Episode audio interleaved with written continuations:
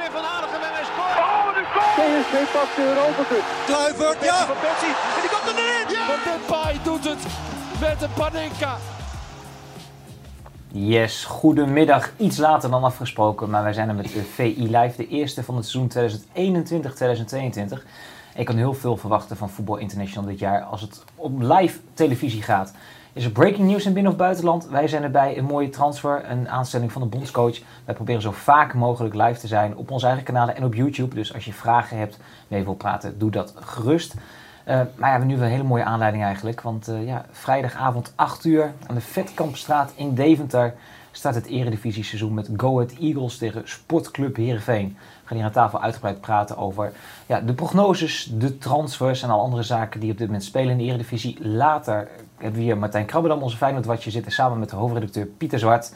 En we beginnen met, ja, in mijn ogen toch de twee titelkandidaten, Ajax en PSV. Dus clubwatcher van Ajax, Freek Jansen. En clubwatcher van PSV, Marco Timmer. Heren, allereerst welkom. Dankjewel. Ik had nu heel graag willen praten over jullie onderbuikgevoel en de spanning die er is voor zo'n Eredivisie-seizoen. Maar ja, breaking news is breaking news. Marco, Denzel Dumfries en Inter, hoe zit dat? Nou, ik ben niet zo van de breaking. Nee, ik ben niet van de breaking, hè? Nee, ik ben niet zo van de breaking. Dat laat ik aan, dat laat ik aan andere dat mensen bepaal je zelf wel. Of breaking. Ja, wel. ja. Nou, er, er, zit flink beweging in. Gisteravond uh, laat is dat op gang gekomen. Uh, vanuit Italië kwamen de berichten door dat er 12 miljoen was geboden. PSV wil eigenlijk tussen de 15 en 20 miljoen. dus het was nog wel aardig uit elkaar. maar we krijgen nu wel signalen vanuit de directie van PSV dat, dat er beweging is. En vandaag verwachten ze duidelijkheid of die beweging ook leidt tot een deal. Denk dan aan een, een vast bedrag, 12,5 miljoen plus 2,5, 3 miljoen bonus. Dan kom je ook aan tussen de 15 en 20 miljoen. Maar PSV moet ook de poot stijf houden, vind ik, voor uh, de aanvoerder van vorig seizoen en een van de beste spelers. Waarom duurt het zo lang? Want je zou zeggen, als je normaal als je op het EK zo schittert, hij was eigenlijk wel de verrassing van het EK, voor je gevoel, in ieder geval vanuit Oranje. Ja, ja. Dan is het va vaak heel snel, wordt het dan een club. Nou, die clubs waren ook heel snel. Ja. Everton uh, wil een man een hele lange tijd. En uh, daar, daar, zit natuurlijk Marcel Brands, die kent hem. Um, en, en, Inter was ook uh, gelijk serieus. Alleen uh, de, het geld is het grote probleem. Ze hebben allebei geen geld en ze kwamen allebei met een huurconstructie. Ja, ja. PSV heeft toen gezegd: nee, dat gaan we niet doen, werken we niet aan mee. Um, toen kwam, ja, kwam nog een keer ter, ter tafel. Nee, het hield ze ook de poot stijf. Dus het heeft daardoor wat langer geduurd. Ja, als je ziet bij Inter wat er allemaal gebeurt aan, aan, aan, aan ja, uitverkopers, noem, noem ik het bijna. nu is er wel geld. Hè, de Lukaku-miljoenen zullen wel binnenkomen. En, uh, en, da en, dan kan het snel gaan. Ik, uh, ik verwacht dat het heel snel rondkomt. Maar dan toch even hier op de redactie gaat het daar dan ook over. Dan gaat het toch, wat je zegt, 12,5 miljoen plus 2,5 of 3. Ik vind het eigenlijk nog best wel weinig voor iemand als Denzel Dumfries. Ja, maar hij heeft niet zo heel lang contract meer. Is nog, dan is het wat beter te begrijpen. Aan de andere kant vind ik ook dat als je je beste speler verkoopt, dan moet je ook je poot stijf houden. En, uh, ja, wat de zaak een beetje pikant maakt is, vind in mijn ogen, is van, ze hebben deze op rechtsback Jordan These en Philip Mwene. Maar in mijn ogen ziet hij Jordan These als vervanger van Ramaljo. En, en, ja, en Mwene als een backup rechtsback. Dus kan, in mijn ogen kan er, moet er nog een rechtsback komen. Ja, als je Denzel Dumfries zou kunnen houden met een dikke contractaanbieding, uh, verlenging, ja, dan heb je volgens mij wel een, uh, ja. een hele, goede, hele goede rechtsback en ja, een kampioensploeg staan. Maar die jongen wil gewoon graag weg, hè? Hij wil graag, heel graag een stap, stap maken. Ja, ja. Hey, ik, ik, ik probeer dan in zijn hoofd te kijken. Hij is eraan toe. Hij heeft ook heel veel geroepen dat hij, dat hij graag weg wil. En op het EK heeft hij geschitterd. Heeft hij laten zien dat hij ook in, in het 3-5-2 systeem heel goed uit de voeten kan. En dus dan snap ik Inter ook.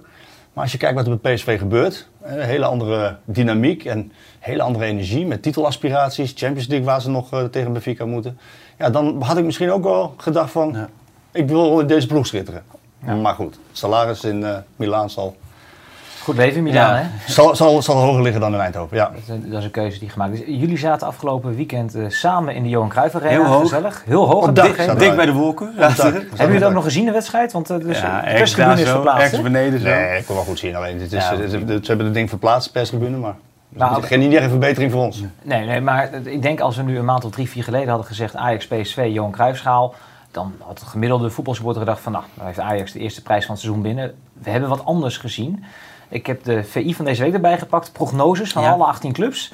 En jullie zetten allebei de club die jullie volgen op één. Dus uh, nou, vecht het maar uit. Wie wordt kampioen dit seizoen? Nou ja, dan moeten lekker de spelers en de club zelf uitvechten. maar uh, dat we allebei uh, op één zetten is, is niet zo vreemd. Ik denk dat het allebei gekker was geweest als we Ajax PSV niet op één hebben gezet. Of vanuit Ajax perspectief pratend is het maar één plek die geldt. En dat, dat, dat is het kampioenschap. En helemaal als je die de afgelopen seizoenen bekijkt, waarin ze toch afstand hebben genomen. Niet alleen financieel, maar natuurlijk ook sportief. Nu door directe plaatsing, Champions League.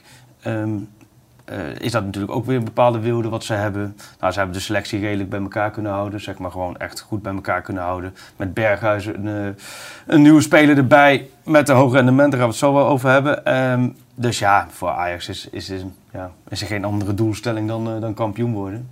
Dat is vanuit Amsterdamse perspectief. Maar, maar, Marco, ik denk wel dat we hebben PSV gezien in die voorronde Champions League. we hebben nu deze wedstrijd gezien. PSV is wel dichterbij gekomen, mogen we zeggen. Ja, maar dat moet ook. Een gat van 16 punten is natuurlijk uh, levensgroot. En ze hebben drie jaar hadden ze geen prijs gewonnen, nu dan die kruisschaal. Uh, ja, dan komt er iets op gang bij, bij PSV. Hetzelfde geldt voor Ajax. En als, als, als er in Amsterdam geen prijzen worden gewonnen uh, en in Eindhoven worden ze een aantal keren kampioen, ja, dan, dan wordt iedereen zenuwachtig. En bij PSV hebben ze gezegd van oké, we zien wel dat het financieel er wat bij moet. Anders Ajax loopt echt heel hard weg. Nou, dan komt er ook in no time 50 miljoen euro vrij om in alle takken van de club uh, te steken. Dus niet alleen maar voor transfers, ik wil, wil het wel gezegd hebben. Maar wat je zag is dat die uh, John de Jong, de technisch directeur, heel snel de selectie voor die eerste fase met Champions League voor elkaar had. Ja, en uh, met vertrekkende jongens en jongens die nu buiten de selectie gehouden worden, is er gewoon een hele andere dynamiek en sfeer. Komt bij dat jongens als Van Ginkel, uh, uh, Sahavi, Eran Sahavi en, en Mario Gutsen nu een hele voorbereiding hebben gedraaid, topfit zijn. Ja, die bepalen ook een beetje de professionele standaard.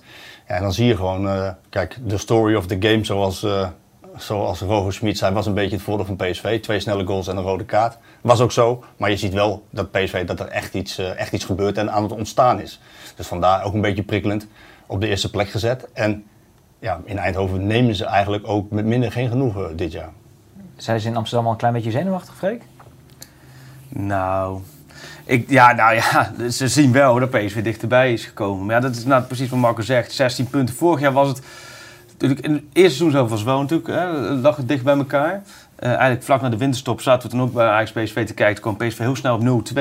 En als PSV de had gewonnen, waren ze over Ajax heen gegaan. Maar daarna is het maandenlang eigenlijk voor Ajax crescendo gegaan. Nou ja, zij zien ook, en dat is Ten Hag, ze hebben hier wel rekening mee gehouden. Ten Hag heeft echt vanaf het begin van de voorbereiding, eigenlijk aan het einde van vorig seizoen al gezegd, uh, let maar op, wij zijn nu de prooi, clubs gaan jagen, clubs gaan niet stilzitten, PSV voorop, die, die kunnen ook niet hebben dat ze seizoenenlang geen prijs hebben, seizoenenlang geen kampioen. Dus die gaan er alles aan doen. Dus ze hebben dit wel uh, zien aankomen. Ik weet nog, trainingskamp twee weken geleden. Uh, zaten in Oostenrijk ook met, met Van der Sar even daarover. En die zei ook van ja, jullie schrijven maar allemaal als media dat Ajax de komende jaren kampioen wordt. Uh, tien jaar lang. Let er maar op, gaat niet gebeuren. Want dat werkt bijna in geen enkel land uh, zo. En ook niet in Nederland. dus ze hebben dus wel rekening, zouden er zo rekening mee dat het echt wel een titelstrijd gaat worden. Alleen ja, tegelijkertijd weet ze bij Ajax donders goed dat ja, zij zetten hoog in. Ze zetten hoog in qua financiële huishouding. Daar past uh, plek 1 bij, directe plaatsing Champions League. Dus ja, dat zal niets aan de ambities uh, afdoen. Helder, we gaan zo meteen even hebben over de transfers. Een paar namen komen al voorbij. We hebben ook wat opvallende transfers in de eredivisie vast op een rijtje gezet. Tja, Lionel Messi naar PSG was natuurlijk een vrij opvallende transfer. Maar er zijn ook in de Eredivisie een hoop nieuwe spelers terechtgekomen waar veel fans rijkhalsend naar uitkijken. Wat te denken van Lasse Schöne terug op het oude nest bij NEC. De Deen is zijn oude liefdes klaarblijkelijk nog niet vergeten. Laat het zijn vrouw maar niet horen. Vorig jaar waren de kunsten van de 35-jarige middenvelder nog te zien bij zijn oude club Herenveen. Dit jaar kunnen de fans in Nijmegen hun adem inhouden als Lasse aan gaat leggen voor een vrije trap. Terwijl alle ogen in het blauwe gedeelte van Manchester gefocust waren op een nieuwe superster Jack Grealish, kaapte Heerenveen stiekem een veelbelovende aanvaller weg uit de jeugdopleiding van de kampioen van Engeland. Filip Stefanovic kan op beide vleugels uit de voeten en heeft het in zich om een publiekslieveling te worden in het Abelenska stadion. De jongeling wordt voor twee seizoenen gehuurd van de Citizens. De altijd goedlachse Michel Flap maakte furoren bij Herenveen en verdiende daarmee een toptransfer naar Anderlecht. Ondanks dat hij 11 goals maakte en 3 assists gaf in 34 wedstrijden, was hij bij onze zuiderburen toch niet helemaal op zijn plek. Een leenbeurt aan Bundesliga-club Arminia Bielefeld bracht ook niet het gewenste effect. SC Twente hoopt dat we bij zijn comeback in de Eredivisie de oude Michel Flap weer te zien krijgen. Jan Gobo wil het publiek van Vitesse op de banken gaan krijgen. De 20-jarige Ivoriaan wordt gehuurd van Stade Rennes en staat bekend om zijn creativiteit, techniek en snelheid. Vergis je niet, hij kan dan piepjong zijn, maar de Franse jeugdinternational heeft al ervaring op het allerhoogste niveau. Zo kwam hij vorig seizoen viermaal uit in de poolfase van de Champions League. Daarin speelde hij twee keer tegen Chelsea, de uiteindelijke winnaar. Over de overige transfers in de Eredivisie praten de mannen in de studio je helemaal bij. Dat gaan we zeker even doen. Maar allereerst, heb je nou vragen? Ga even naar YouTube en eh, stel ze. Ik lees mee, de jongens in de redactie lezen mee. Dus als er hele leuke vragen bij zitten, dan kunnen we die meteen stellen hier aan onze Ajax en Oh, PSV. zijn er ook Bartje. vragen? Nou, het gaat vooral veel over of het een oefenwedstrijd was afgelopen weekend of niet. Dat is een, ik, heb, ik heb de podcast Nou, dat is, geluisterd. dat is het mooie aan de Johan Cruijffschaal. Vaak eh, voor de winnaar is het een hele belangrijke prijs. En de verliezer doet dan vaak af onderdeel van de voorbereiding.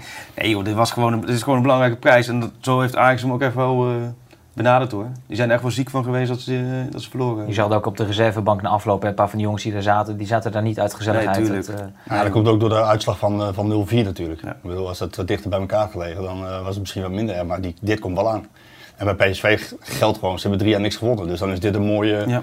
Een mooi begin. En daarbij, eh Smit stelde gewoon zijn, na een Champions League wedstrijd gewoon zijn sterkste elftal op. Dus het belang van die kruisschaal was er wel degelijk. Ja, eh, terecht. Ja. Eh, Zullen we even nieuwelingen bijpakken? Eerst met PSV beginnen, omdat daar misschien wat het meest gebeurd is. We hebben een kaart ook gemaakt met de nieuwe spelers die PSV heeft aangetrokken. Eh, nou, van Ginkel eh, komt terug, kennen we in Eindhoven. Prupper kwam van Brighton, heeft een jaar weinig gespeeld in Engeland. Drommel van FC Twente. En Wenen, net al benoemd eh, als backup rechtsback, maar speelt wel vrij veel.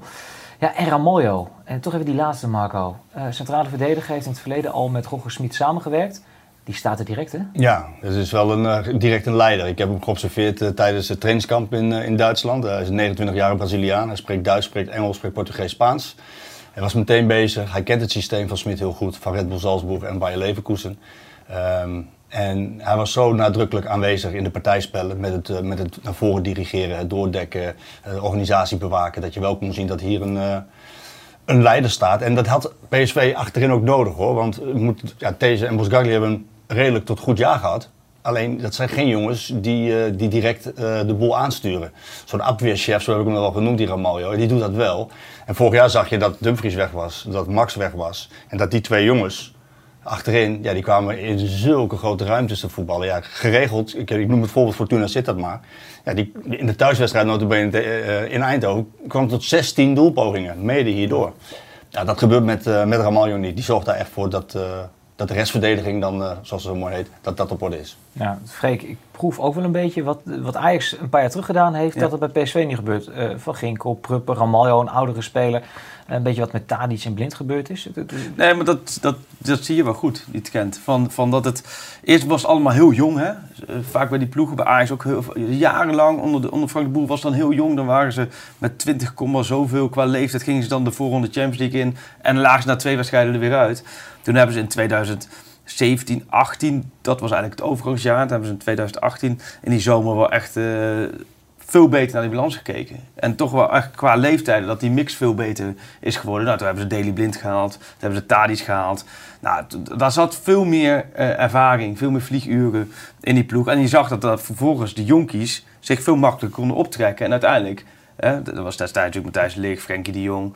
Uiteindelijk voor een geweldige seizoen wat ze tegemoet gingen. En dat is natuurlijk wat PSV vorig jaar, dat vond ik wat Smit wel ook nog aan de afloop zei, zondag tijdens die persconferentie, van vorig jaar was het PSV tegen Ajax. Daar lag het niet aan, aan die wedstrijden. Want heeft, Ajax had het hartstikke zwaar met PSV. Alle drie de wedstrijden, vooral in competitie twee keer. Het lag vooral aan die overige wedstrijden waarin PSV sinds de winststop liet ze de een aan de andere uh, punten liggen.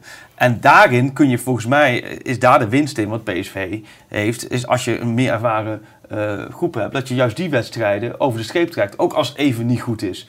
En dat geeft ook de kracht aan. Want ik vind als je Prupper ziet, ja, dan brengt ze Prupper erin.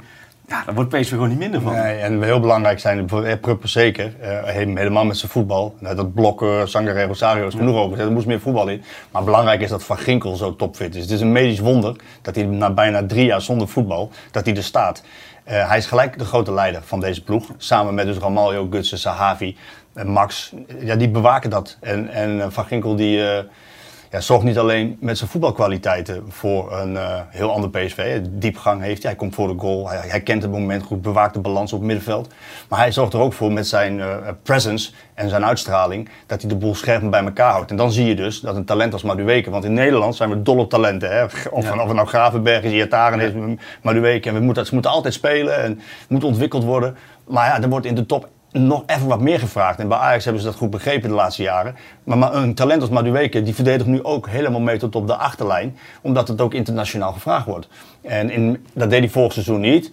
En dan zie je toch nog dat talent grillig is. En dat, ja, geef mij het balletje maar, dan schiet ik hem er wel in. Maar er wordt meer gevraagd. En jongens als een een Van Ginkel en Ramaljo, eh, Gutsen en En Sahavi, als je die dan te veel talenten om elkaar heen hebt, dan corrigeert het elkaar op. Die trekt niet aan elkaar op.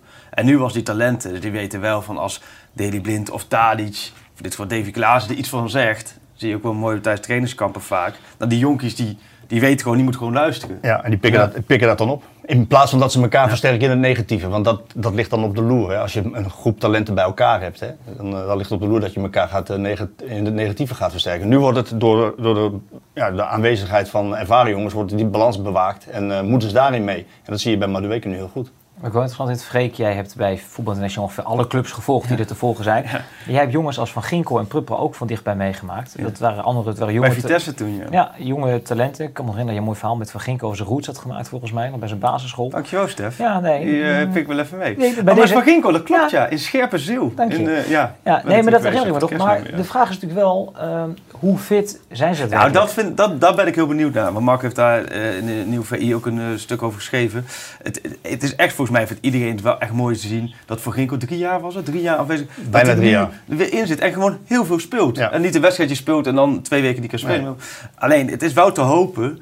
ehm, kan dat, dat hij dat volhoudt, ook al straks de velden weer minder zijn. Ja, Als- kunstgras, Heracles bijvoorbeeld, Oh ja, kunstgras natuurlijk, toch? Dat, dat, Maar daar zijn ze intern wel... Nou ja, weet je, eh, ik kan me nog herinneren dat Mark van Bommel, die maakte Ibrahim Afellay aanvoerder en die speelde niet. Ja, Ja. Dat, dat, hij, dat, hij, dat hij Van Ginkel aanvoerder maakt en dat hij alles kan spelen op dit moment, geeft wel aan dat hij topfit is. De vraag is alleen een beetje, dat is de angst, hè, die leeft bij Ja. mij. Ik denk niet dat die angst bij Van Ginkel leeft, want hij wil alles spelen en hij kan bijna alles spelen. Het gaat me, denk ik meer om het herstel door de week heen, dat Ja. hij minder op trainingen doet. Maar ja, de angst die heb ik natuurlijk ook. Als je drie jaar niet gevoetbald hebt, ja, gaat dit wel goed, weet je? En waar zit het verschil met vorig jaar? Want toen zat hij, was hij natuurlijk wel Nou, hij, bij. moest, hij moest opgetraind worden. Hij moest echt heel lang opgetraind worden. Ik kan me herinneren dat hij tegen AZ toen drie minuutjes kreeg en hij was de koning te rijk. Ja. Er kwam een einde aan een gigantische leidersweg voor die jongen. Ja, het is te hopen voor PSV dat het, eh, dat het goed blijft gaan. Aan de andere kant gaat het nou niet goed. Ja, dan, dan, heb, Ja. je, dan heb je dus Prupper die de, Ja. die de moeiteloos kan spelen. En dat is ook bij Maar PSV. heeft ook niet veel gespeeld vorig jaar. Nee, hij heeft niet veel gespeeld vorig jaar. Nee. Maar die is, niet, die, die is minder blessuregevoelig. Ja. Dan, eh, En je ziet- echt wel. En dan zie je bij PSV dat als je jongens als eh, Pruppen kan brengen, Ja. deze kan brengen, je kan eh, Obispo, die hele goede indruk maakt, brengen, dan is die kracht van de bank, die is al wat toegenomen in plaats van, hè, vorig jaar was het echt wel een probleem. Maar dat moet nog beter. En Bruma, die scoort. Ja, die gaat wel weg. Die gaat wel weg, Die toch? Of wel niet? weg. Is bij nog steeds een optie? Ja, ja, goed. eh, Bijna al, elke Turkse club eh, is eh, wel Ja. een optie voor Bruma. Ik heb zelden iemand eh, zich zo weinig druk zien maken over zijn toekomst dan Ja? Bruma. Die blijft alleen maar lachen. Maar ze laten wel invallen. Ze kunnen Ze ook zeggen van... Ja, maar ja, hij, heeft Ja. natuurlijk, hij kan met een bevlieging kan. Ja. Ja. Je hebt het gezien tegen Midtjylland. Een be- bevlieging en dan schiet hij die bal erin. Maar te vaak was het niks natuurlijk. Nee. Dat wel zijn. ja. Wat wel interessant is, eh, PSV in de basis sterker. Je zegt in de breedte zijn ze goed. Ja, maar moet nog beter hoor. Ja, maar ik lees dus bij jou van de week. Jij zegt van, eh, er moeten nog versterkingen komen. Er Ja. moeten zelfs versterkingen voor de basis komen. Ja. Waar houdt dit op? Ja, dat, ik, dat, is, dat wordt een puzzel. Dat wordt eh, echt heel lastig. Voor mij ook moeilijk te begrijpen. Want als je ziet dat het elftal, dat staat nu. Dat staat echt goed. Ehm, er is duidelijkheid. Er is een hiërarchie. Er zit energie en zwoem zit erin. Ze voetballen goed en ze presteren goed. Ja, maar ja, Malen is wel vertrokken. Dat is wel 20 plus doelpunten. Dus dan moet je wel, en als Sahavi geblesseerd raakt, moet je dan alle last op Vertessen leggen. Dus er komt een vervanger voor, eh, voor Malen. En dat denk ik dat dat eind van de maand Luc de Jong gaat worden. Ik denk dat hij toch nog komt. Ja, dan wordt het een puzzel. Ga je met twee spitsen spelen? Of ga je Luc de Jong op de bank houden? Of want een Sahavi, die is zo obsessief met succes bezig, die, die ga je niet zo uit de basis halen. Hij heeft weinig creativiteit achter, kan- Iataren gaat dan weg. Hij heeft weinig creativiteit achter Madueke, Gakpo en Gutsen. Dus daar zal iets gebeuren. Hij wil een- graag een middenvelder, een controlerende middenvelder zoals eh Zangare, die had hij met Rosario. Rosario is vertrokken, dus daar wil hij nog wat. Ja, en ik verwacht eerlijk gezegd dat ze ook eh, nog achterin wel wat gaan doen. Dus vier, vijf sterke. Maar het hoeft niet Nou. allemaal voor de basis te zijn, hè? Kan ook voor de bank. Nee, maar maar dan heb je wel een hele goede bank. Het is best gek als je de PSV nu al zo ver is dat er misschien nog vier, vijf jongens bij komen, toch? Ja, dat Ook is in regie, in je kleedkamer doet dat ook wel wat. Zeker. Dat is ook afwachten hoe dat gaat, dat is altijd afwachten hoe dat gaat uitpakken dan. Want nu staat het goed. En, en eh, ja, dat, dat moet dan Smit gaan managen. Maar ja, hij dringt wel op versterkingen aan. Maar hij, hij- heeft het gevoel van als er nou iets kan dit seizoen, dan moeten we nu doorpakken. Maar hij heeft wel zo gezien dat deze maand dat dit de basis moet zijn, qua, ook qua systeem. Dus Ja, qua systeem, Met ja, dat 4-2-2-2 toestanden, maar gewoon Nou ja. Madueke, Gakpo, de spitsen tussen. Gutsen erachter, dat je zo speelt. En ook dat je, dat je een blok met Sangaré, Rosario, dat was, daarmee had je het voetbal Nee, ja, het is totaal... Smit is eigenwijze man. Smit is eigenwijze man. Ja. Dus hij heeft Ja, daar, ja. we hebben daar elke vrijdag naar gevraagd, naar Ja. dat blok. En elke keer zei hij dus toplevel. Ja. Ehm, nu Maar je ziet nu met voetbal Ja, van Ginkel dat het zoveel beter is. zoveel beter. En Ja. als Van Ginkel die kan, dan kan Pruppen er, eh, er spelen. Eh, die spelers komen meer in hun kracht te spelen. Dus die speelwijze is ook eh, een, een, een reden dat PSV nu weer bij. Maar als je hem vraagt naar 4-2-3-1, dan, dan zal hij als eerste zeggen: Ja, maar against the ball, dus bij balverlies, Ja. is, is het nog steeds 4-2-2-2. En Dus, dat eh, klopt ook hij- formeel. Ja, want, want, want Gutsen schuift naast Sahavi, dus dan die andere twee iets naar binnen. Maar ja, zo, zo, hij is wel een beetje eigen. Jawel, alleen je ziet die kracht van Madueke. Ja, dat zag je tegen Ajax. Ja, die moet aan de flank spelen. Als hij vanaf de flank naar binnen komt, man, dan is hij gewoon, dan is het mij niet stoppen. Nee, en klopt. Gakpo aan de andere kant, je hebt wel echt... eh Ja, maar, maar stel, er gebeurt iets met die jongens, wat heb je Ja. daarachter zitten? Dat is een nou, beetje de wat, wat vraag. heb je erachter zitten? Nou ja, Vertessen. Vertessen, die heb je daar als, eh, als, als speler. En er komen wat jonge talenten door die natuurlijk nu ook verlengd hebben. Zo'n Fofana die, eh, die in de Oh, spits ja. kan. Maar goed, dat is allemaal nog veel te jong. Dus ze zullen in de Doan creativiteit... komt nog terug? Doan komt terug. Maar die heeft echt een goed seizoen gehad Gaan in ze die houden? Nou, die heeft een goed seizoen gehad in Duitsland. En die wil, die wil gewoon spelen. Ja. Maar probeer jij maar eens in dit elftal te Nee, spelen. maar die- Dat gaat dus niet lukken, Nee. dus zal hij waarschijnlijk wel weggaan. Hey, tot slot, jij liet de naam vallen. Ik zie hier in de chat ook een paar keer voorbij komen. Mo Iataren. Ja. Wat is de status Ja. van Mo Iataren, Marco? Ik kreeg één woord van Mino Raiola. Zijn jullie rond met Monaco wat betreft Mo? Nee. Dus zover was het nog niet. Maar ja, dat, hij- dat, daar, ja, dat hij weggaat, dat staat al wel vast. Eh, Dat gaat allemaal nog zijn beslag krijgen. Het is, eh, ik vind het een pijnlijke zaak geworden. Echt heel pijnlijk. Ik vind het ook heel jammer voor die jongen. Was heel goed bezig. Kwam fit terug eh, van de vakantie. Liep eh, vooraan in alle testen die gedaan zijn. Scoorde die bij de betere spelers. Ja, en dan moet je ja, moet je karakter hebben en dan moet je ballen tonen als het even tegen zit. En Schmid heeft hem misschien wel getest hè, door, door Thomas toen te brengen en niet Iataren. Ja, wat de uitwerking daarvan is geweest, hebben we kunnen zien. Eh, hij was ineens bij Mino en hij was, bij PSV was hij ziek en daar komt een statement. En ja, dus je ziet bij PSV dat ze niks aan ruis tolereren op de lijn. Dumfries traint apart, Lucas traint apart, Iataren die traint apart. We zijn bezig met een missie, die Champions League moet worden gehaald. De start moet goed zijn, daar hebben we vijf jongens voor gehaald. Dus er zit beleid, er is duidelijkheid en niks moet, eh, moet, mag ertussen komen. Dus ja, dat, het werkt wel zijn vrucht af. En die. Lucas, die zit er dus ook nog. Zit er ook nog. Maar die willen ze dus per se verkopen. Nee, die gaat ook weg. Ja, die zal, Die is misschien wel weer verhuurd nog. Ook voor- niet meegetraind met de groep. Maar waarom Ja, eigenlijk niet? Zou dat, zou dat niet gewoon een stand-in kunnen zijn? Of is hij zo... Is hij zo eh, Nee, ze zien niet hem zitten, nee. nee. En uh, we moeten zeggen dat Lucas ook zelf wel vaak heeft gezegd van... eh, ik wil eigenlijk niet meer bij PSV Oh, spelen. zo. Ja. En dat, dat had te maken, ja, maar dat had ook te maken met Van Bommel die hem toen niet eh, gebruikte. Ehm, maar goed, er moeten nog heel veel spelers weg. hè. Dat- Bruma, Lucassen, Gutierrez, Doan, eh, Rigo. Dus het wordt een drukke weken voor jou. Een hele drukke week. Goed, die heeft vakantie in zit al, hè? Ja, een hele drukke. Ja. Freek, hoe even jij als, als buitenstaander, hoe kijk jij naar Zaki Iataren? Ehm, ja, hoe kijk ik daarna? Nou ja, in die zin volg ik Marco wel. Ik had wel heel lang het gevoel van... Is, is is het, doet PSV er wel alles aan, heb ik lang het gevoel gehad. Omdat je ook het verleden met Memphis daar gezien hebt. Nou, met Memphis kun je alles zeggen, maar niet dat het een makkelijke jongen is. En je zag met z'n allen bij Iataren wel het talent dat hij in zich heeft. Dus dat had je wel zoiets van, ja, kan niet nog meer gedaan worden om dat eruit te laten komen. Maar inmiddels nu is het al zo lang. En ik zag laat, hij is natuurlijk al 19. Voor je gevoel is het nog altijd 17 het talent wat net komt kijken. Hij, hij wordt nu ook links en rechts ingehaald. En op een gegeven moment, als je, gaat, als je ziek gaat melden. En je gaat dan wel naar Frankrijk. Ja, kom op. Dat Het slaat, het slaat natuurlijk helemaal nergens op. Dus dan op een gegeven moment denk ik ook. kan ik me voorstellen dat je als PSV. eh, al langere tijd zoiets hebt van ja, nu is het klaar. Nu is het afgelopen. nemen. Ja, maar laten we hopen voor de jongen zelf. Want eh, daar hebben we er genoeg over gezegd. Laten we hopen voor de jongen zelf dat hij, eh, eh, dat hij echt het licht ziet. En dat hij goed begeleid gaat worden. Want eh, het is een begenadigde voetballer. Ja, maar die moet nu gewoon dus 25, 30 wedstrijden voetballen. Ja. Gewoon eens een keertje een vol seizoen. Dan kom je ook op heel veel doelpunten en assists waarschijnlijk uit. Dan heb je jezelf neergezet. Ja, maar het probleem is... Als hij dat niet doet, dan blijft komt het- zo bij een topclub of subtopclub Ja. in Frankrijk terecht. Die jongen had natuurlijk gewoon lekker bij AZ of Utrecht of Vitesse gewoon 34 wedstrijden moeten spelen. Ja, of, Op 19 ja, jaar. of was hij normaal had gedaan bij PSV. We sluiten het af. Sluit hem af, dankjewel Marco. Ehm, een heel rijtje met transfers bij eh, PSV al. Bij Ajax, Ja. Freek Jansen. En de supporters wachten erop, die willen heel graag nieuwe spelers. Maar het is relatief rustig. Nee, het is echt een hele rustige transferzomer. Hebben we wel, wel meerdere keren aangekondigd, volgens mij met z'n allen. Van dat deze groep in tegenstelling tot andere jaren. Eh, dat de sterkhouders echt wel zouden blijven. Andere jaren was natuurlijk twee jaar geleden Matthijs de Ligt, Frenkie de Jong, Lasse Schöneberg. Nou, vorig jaar Hakim Ziyech, Donny van der Beek. En dat liet zich allemaal al eh, lange tijd, eh, zat dat er al aan te komen. Ja. Nu zat al, al heel lang aan te komen van nou, volgens mij gaan er helemaal niet zoveel spelers van de, van de kern weg. Dus eh Klaassen, Tadic, nou wel wat interesse geweest van Milan, gelijk de kop in- ingedrukt. Deli Blind, nou ja, noem maar op. Alleen die net is, die basis bleef. Graafberg die vrij vroeg aankondigde van ik blijf sowieso nog een jaar eh, bij Ajax. Dus ja, dan, dan gaat het al snel over Neres en over Tagliafico. Maar ja goed, als je het over Neres hebt, dan heb je het momenteel over de tweede en misschien binnenkort wel de derde keus rechts voorin. Dus nee, er zit qua vertrekkende spelers ja, is het nog niet, eh, nog niet over gebeurd. En daardoor ook qua inkomensspelers ook minimaal twee keepers. Pasveer en, en Gorter, wat waarschijnlijk tweede en derde keeper wordt achter Stekelenburg.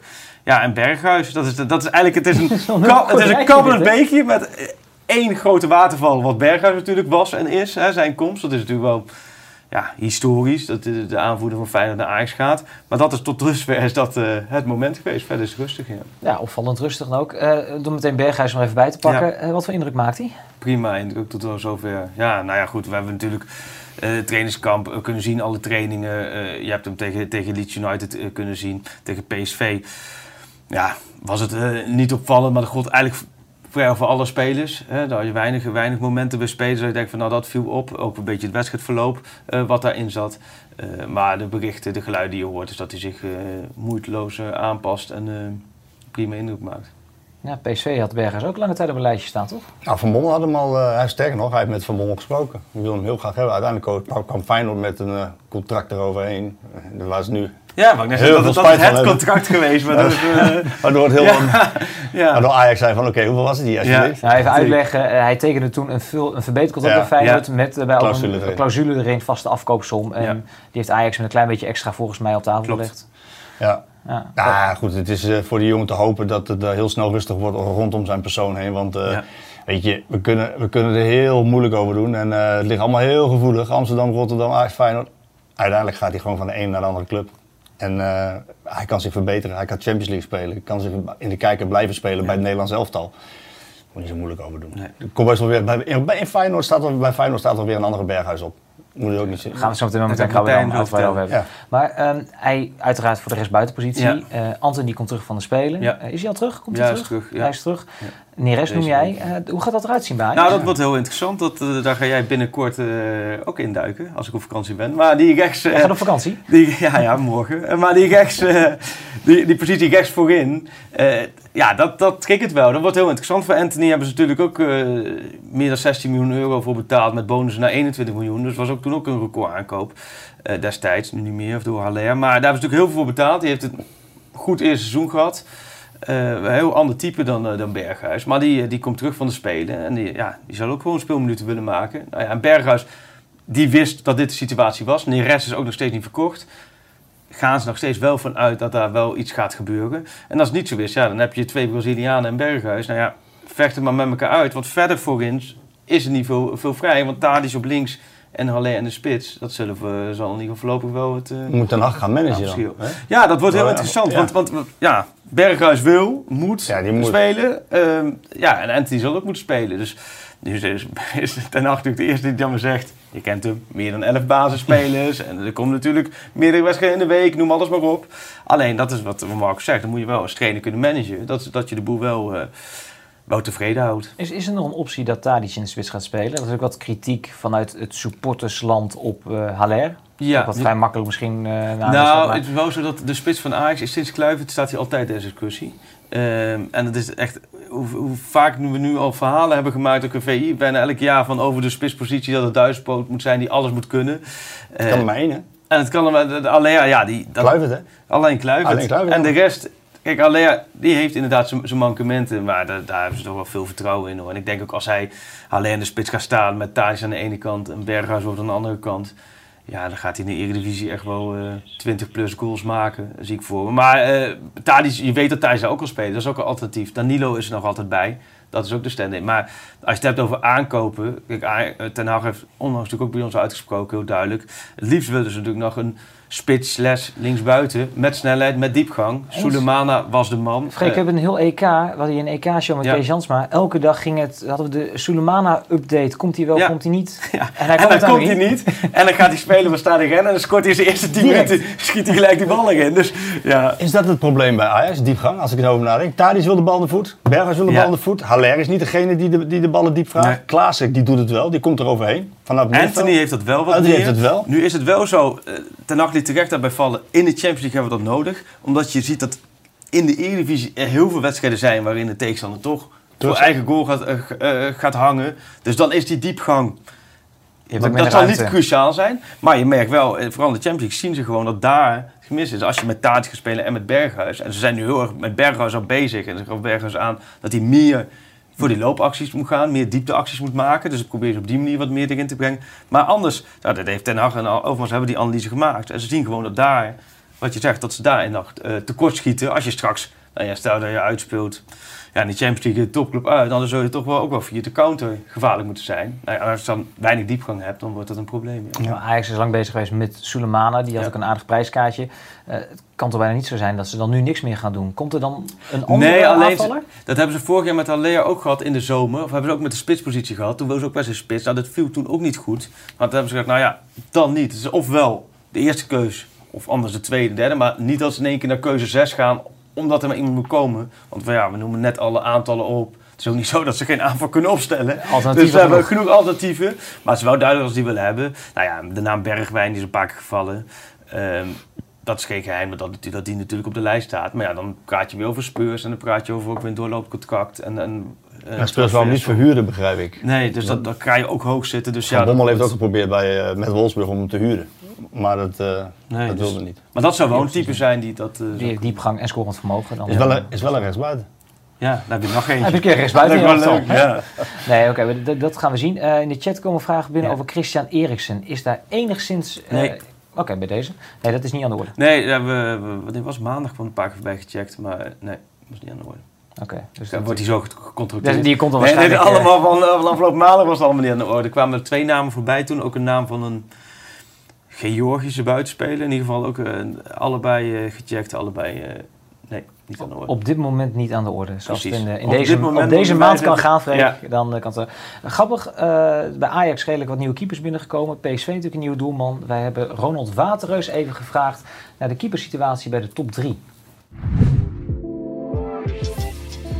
Ik ken de achterliggende gronden niet. Ik had Oenerstal daar niet weggedaan. Kijk, Drommel is een jonge jongen. Talent.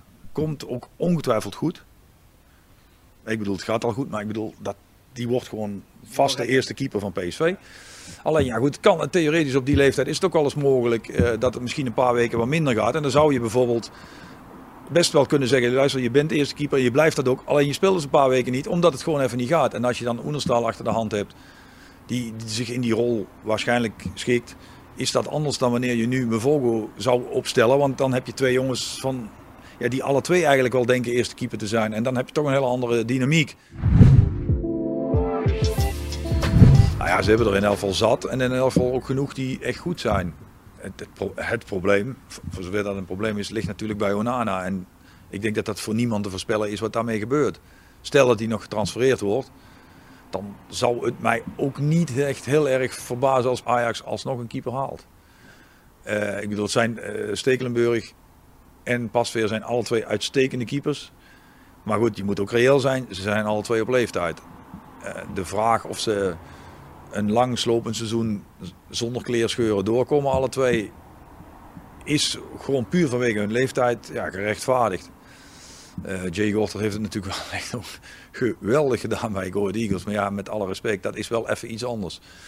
Dus kijk, en als je als Ajax weet dat Onana gewoon zijn contract uitdient en vanaf, volgens mij is het 1 of 8 november geloof ik, weer mag spelen. Ja, dan is het probleem wel heel klein. Want dan hebben ze gewoon drie potentiële eerste keepers. collega van jou stelde gisteren eh, ook een vraag over Bijlo. Ja, het gaat gewoon een keer een wachten zijn tot hij een jaar 35 wedstrijden speelt. En ja, talent is ontegenzeggelijk. Potentie ook. Ja, het is vervelend. En ik kan me ook voorstellen dat die jongen er, ja, ik zou bijna zeggen, horendol van wordt dat iedereen het altijd daarover heeft. Maar ja, het is tot nu toe wel een rode draad door zijn carrière. Maar het, zou zo fijn ook voor hun, voor Feyenoord, voor hem. En misschien ook wel voor het Nederlands elftal zijn als die jongen gewoon elke week speelt. En elke week zijn, zijn basisniveau eh, haalt. Waardoor we over een jaar vanaf nu gewoon zeggen, ja, daar staat er wel een. Hè? Kijk, die potentie, dat, hebben, dat weten we allemaal ondertussen wel, die heeft hij. Hij zal eh, gewoon een, keer een jaar lang alle wedstrijden moeten keepen. Wat vind jij goed aan hem als keeper? Nou ja, het is, het is, het is gewoon. Ja, soms heb je als keeper gewoon dat je iemand ziet waar je denkt: ja, weet je, dit is een echte keeper. Dat is een karakter. eh, daar, staat, daar staat iemand. Niet bang.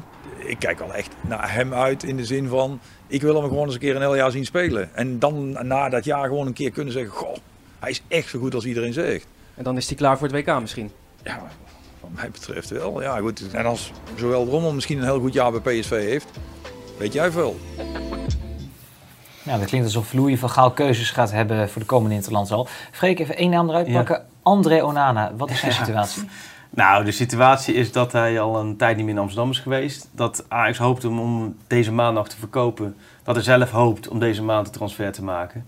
Eh, Lyon was eh, het meest concreet de afgelopen periode. Lag heel ver uit elkaar, kwam dichter bij elkaar. En toen zei Onana, ik eh, heb betere opties dan Lyon. En daarna is het een beetje stilgebleven. Dus het is nog altijd afwachten wat die opties zijn. En of die opties ook met Ajax tot een eh, eh, overeenstemming kunnen komen. Maar het is... ehm, Inmiddels noemde Overmars het een dramatisch dossier. Ja, dat is natuurlijk ook wel geworden. Het was natuurlijk vanaf 2015 één stijgende lijn, een geweldige jaren gehad eh, van beide kanten. Alleen nou ja, sinds het hele dopinggeval, dopinggedoe, is dat natuurlijk eigenlijk op een treurige manier verder, verder gegaan. En eh, nou ja, er komt gewoon een einde aan. Alleen als hij niet die club vindt in de komende weken, ja, dan eh, zal hij zich toch waarschijnlijk weer op een gegeven moment weer Ajax moeten, eh, moeten melden. En dat kan 4 november kan die wedstrijd spelen. Twee maanden eerder kan hij weer eh, aansluiten voor de trainingen. Eh, dus ja, ik, ik ben wel benieuwd welke richting het op gaat. Is, is het realistisch dat we Onana gewoon weer onder lat bij Ajax gaan zien dan? Mm, vind ik niet heel realistisch. Eh, hij wil ook heel graag de Afrika Cup keepen. Is in Cameroen. Dus de hele maand januari, waarin ze dan iets daarvoor weer verzamelen. Dus ja, voordat hij terug is en dan ook als keeper heeft hij dan ook echt lang niet gekiept. Eh, nee, ja, je merkt dan alles dat ze gewoon, dat het keeperstrio wat ze nu hebben staan met Pasveer, Stekelenburg, Gorter, dat dat het keeperstrio voor dit seizoen is. Ja. Met Stekelenburg als de nummer 1? Ja, lijkt me ook wel logisch. Na het afgelopen jaar, hoe goed hij het heeft laten zien. Ook de eerste doelman van Oranje geweest tijdens het, eh, tijdens het EK. Dus dat, eh, maar goed, ik vind wel, je moet wel realistisch zijn. Je hebt Stekelenburg, Pasveer, die er heel dicht tegenaan. Het verschil met Stekelenburg is niet zo groot. En dan een jonkie Gorte, nou, die kent Marco nog, nog beter dan ik. Die zich wel op een hele goede Van manier zien. Ja. Van Go Ahead Eagles. Alleen, die zijn alle drie wel natuurlijk, of alle drie als je Stekelenburg... Het is wel minder dan Onana. Onana heeft natuurlijk door de jaren heen waanzinnige reddingen gehad. Hè? En waanzinnige momenten gehad. Ook in de Champions League, ook de titelrace. Dat hij er op bepaalde momenten pakte die ballen. Ja, die voor tegenstanders al als doelpunt werden gevierd. Dus dat is echt wel, los van de hele zaak en alles sentiment wat omhoog komt... is het echt wel een gemis dat, dat, dat Onana nu gewoon eh, is weggevallen. Ja. Ja, de PSV, Joel Drommel, eh, sowieso nummer 1? Of gaat Mvogo ook nog eh, concurreren daar? Nou ja, die heeft vorig jaar gekiept en eh, heeft hij redelijk gedaan. Niet goed. Ik vond hem niet de punten pakken zoals Jeroen Zoet dat was in het laatste kampioensjaar. Maar ik verschil met Waterreus over, over, over Drommel. Die is nog wel redelijk kritisch op hem. Maar goed, dat is Waterreus natuurlijk als voormalig doelman die daar tien jaar gekiept heeft wel vaker. Ehm, hij heeft ook, het zal het niet met me eens zijn, maar hij heeft ook wel wat keepers weggepest. Laten we het zo...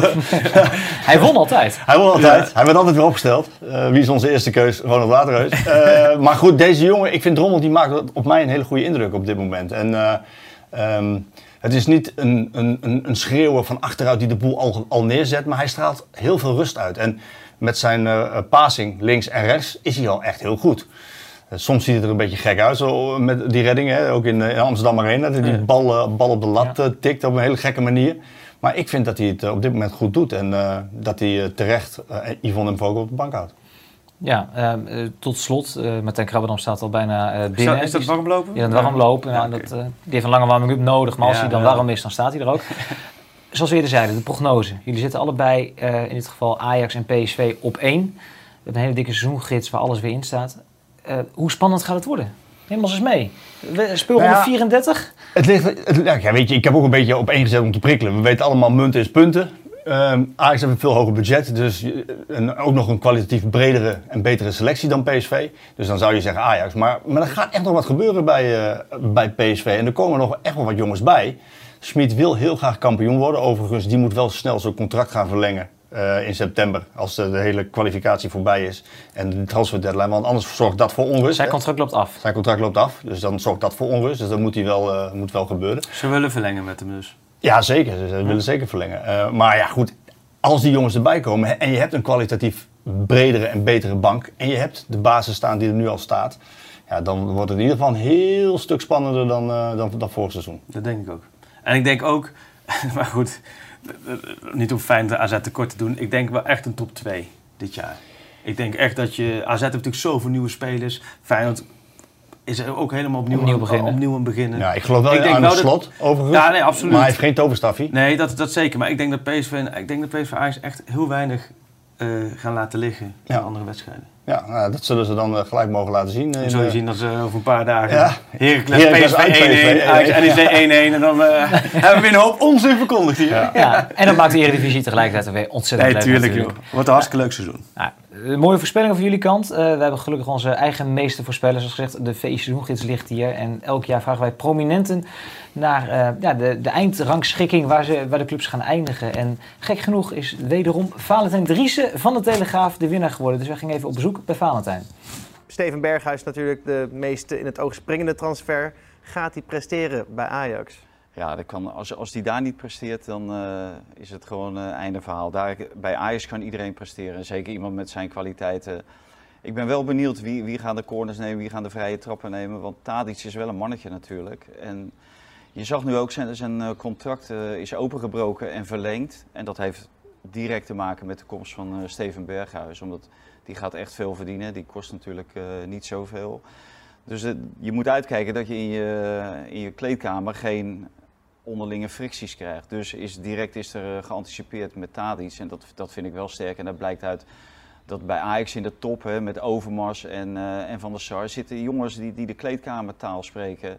En die weten dat je dat voor moet zijn. En Tadic had natuurlijk niet voor niets toen hij kwam ook eh, de voorkeur voor nummer 10. Had hij zelfs contractueel bedongen.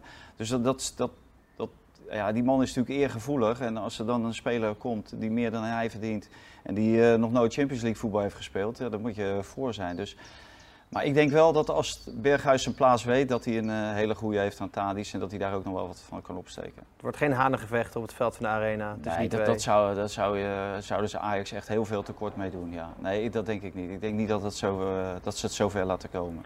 Goed, gaan we naar eh, Feyenoord. Die hebben natuurlijk Jan Baks gehaald als eh, opvolger van Berghuis. Verwacht je daar veel van in de Kuip? Nou, qua cijfers zou ik er veel van verwachten. omdat hij, eh, toen hij vertrok bij AZ, was hij topscorer van Nederland. Had hij meer goals gemaakt dan Berghuis. Evenveel assists. Maar het ligt er dan wel aan wie er in de spits staat. en daar stond Wout Weghorst in de spits. En dat was en een bliksemafleider en een afmaker voor eh Jahan Baks. En ja, zo'n speler mis je bij Feyenoord. Dus eh, ja, ik denk niet dat hij kan leveren wat hij eh, heeft geleverd bij AZ. Maar het, is natuurlijk al heel snel eh, een van de beste spelers van Feyenoord. Arne Slot is eh, natuurlijk de nieuwe trainer van Feyenoord. Ja, een, een hele hoop interviews gelezen, een hele hoop eh, grote woorden. Wat, wat was nou het woord? Drukmoment zetten, de drukmomenten. Nou, nou, Je weet het al niet ik meer. weet, het- ik weet het al niet meer, dus laat staan dat die spelers eh, weten wat ze precies moeten doen. eh, maar uiteindelijk hangt alles af van de kwaliteit en, eh, van je spelersmateriaal. Ja, en dat is niet om eh, over naar huis te schrijven. Zeker niet om eh, een bedreiging te zijn voor Ajax en PSV. Dus daar geloof ik niet zo in. Je noemt PSV al, misschien de lachende derde dan. Eh, Ja. die, die hebben natuurlijk ook twee grote spelers binnen gehad met Marco van Ginkel en Davy Prupper. Ja, Wat verwacht je van die aankopen? Spelers die, eh, die bijna niet gespeeld hebben de afgelopen jaren. Of tenminste, nou Pruppen dan één jaar nauwelijks gespeeld. Van Ginkel natuurlijk al langere tijd. Zijn al wat, wat, wat ouder. eh, hebben ook niet eh, zeg maar de bagage die bijvoorbeeld een Daley Blind eh, had toen hij terugkwam eh, naar Ajax. Of eh, een Tadic. Eh, veel minder bagage. Dus ja, ik verwacht niet dat PSV echt eh, uiteindelijk een sta in de weg kan zijn. En dan, ja, Melle hebben ze gehaald. Nou ja, die komt van Mainz. Eh, die, werd, die werd eigenlijk ook, eh, volgens mij, Oostenrijk of Zwitser. Nou, die werd over het hoofd gezien voor het nationale elftal.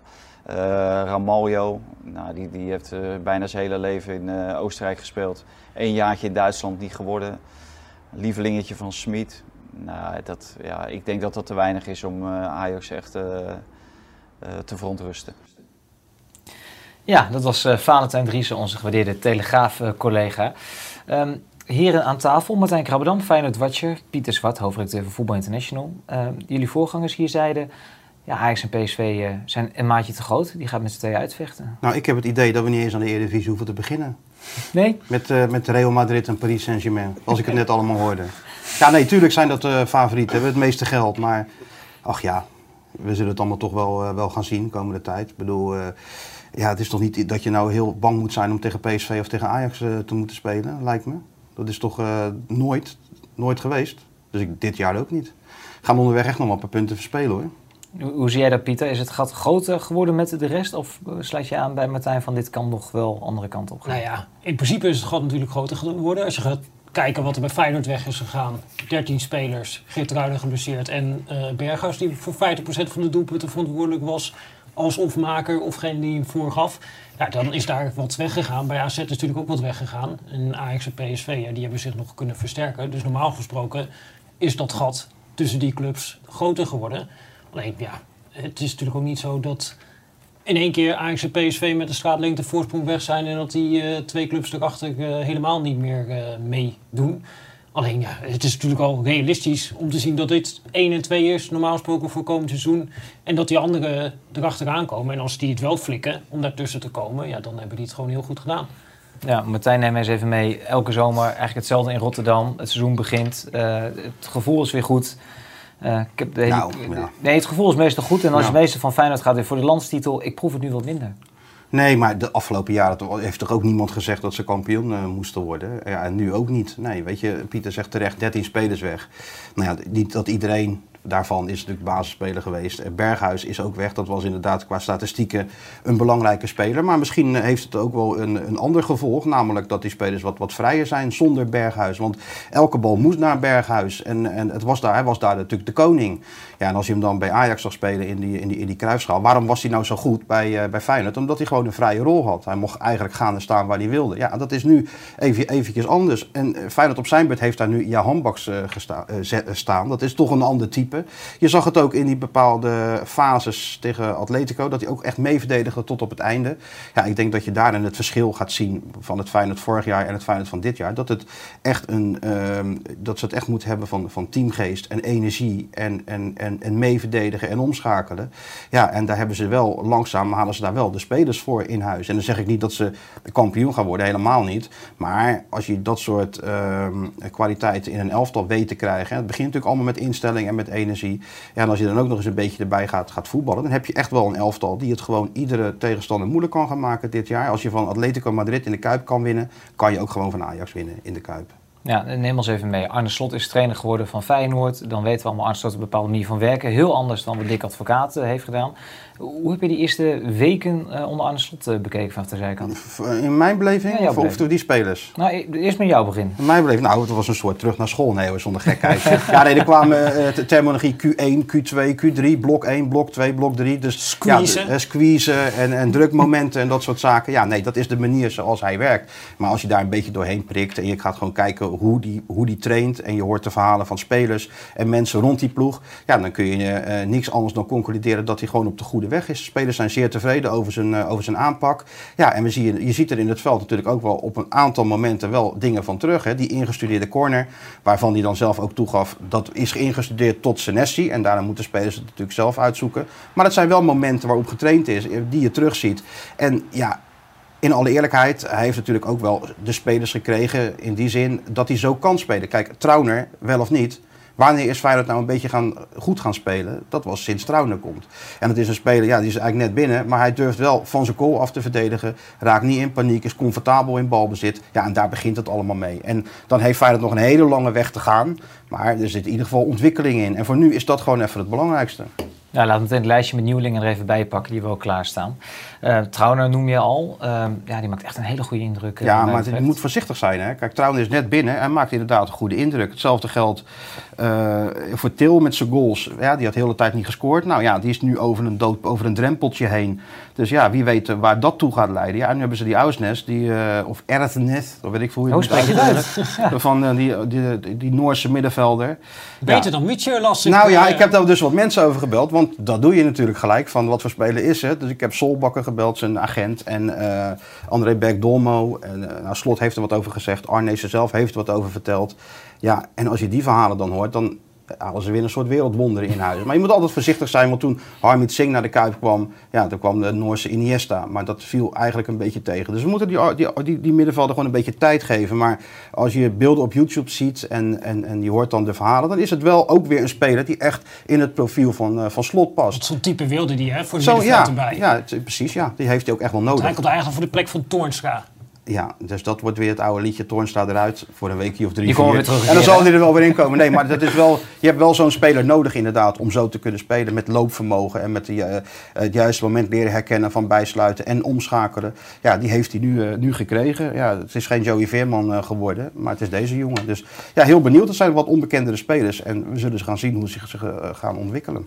Nou, Pieter, zie jij de hand van Arne Slot wel een beetje terug? Nou ja, het is wel duidelijk te zien wat hij erin wil krijgen qua manier van spelen. Maar hij is zelf ook realistisch genoeg om te beseffen van, dat het tijd kost. En dat, hij, dat Feyenoord nog niet zo ver is dat hij voor wedstrijd eigenlijk al weet van... Oh, we gaan 90 minuten in staat zijn om dit uh, uit te voeren. En de ene week, zeg maar, als je bijvoorbeeld die twee wedstrijden tegen Drita pakt. Ja. Nou, die ene week, dan staat het verdedigend fantastisch, geeft geen kans weg. Ik denk dat ze het seizoen ervoor kun je bijna geen wedstrijd pakken waar Feyenoord zo weinig heeft weggegeven als in die wedstrijd tegen Drita. Nou, dan scoren ze zelf niet en dan is het veldspel minder. Die weken na, eigenlijk het tegenovergestelde.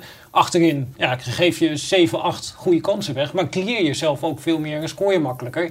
Ja, als het contrast zeg maar, tussen twee weken zo groot is op die twee spelonderdelen. Maar dat is fine-tuning dus? Ja, nou ja, dat is fine-tuning. Ja, maar dat zit ook uiteindelijk op gewoon hele evidente dingen die nog misgaan. Hij heeft natuurlijk eigenlijk twee aanvallende middenvelders, heeft hij nu verdedigend op het middenveld staan. Ja, als je die wedstrijd tegen Drita pakt, in dat laatste kwartier krijgt Drita drie opgelegde kansen. Gewoon lange bal, tweede bal. En dat dan die aanvallende middenvelders niet op de plek staan waar een verdedigende middenvelder staat om een afvallende bal op te vangen. Ja, dat is ook al bijna basis wat dan uh, fout gaat uh, daarin. En dat is ja, uh, wel vergt, dat zie je dat het heel veel training vergt en met beeldenwerk, et cetera, et cetera.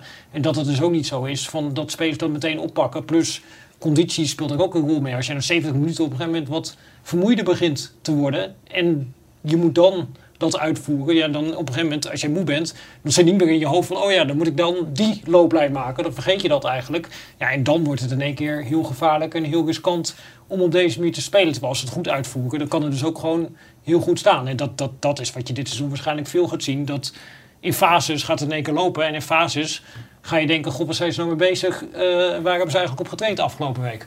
Ja, nou, maar veel hangt gewoon af van spelers die komen. Kijk, die, die Oostenrijker die komt. En je ziet dat uh, Senesi ook meteen gelijk een stuk comfortabeler is. Weet je wel? Die kan zich veel meer concentreren op, op de opbouw. Die weet van, joh, ik heb iemand naast me staan en dat, dat, dat wordt wel uh, geregeld. Ik moet zeggen, die gozer die ook best wel meteen de lijnen uitzetten. Hè? Veel praten, net binnen.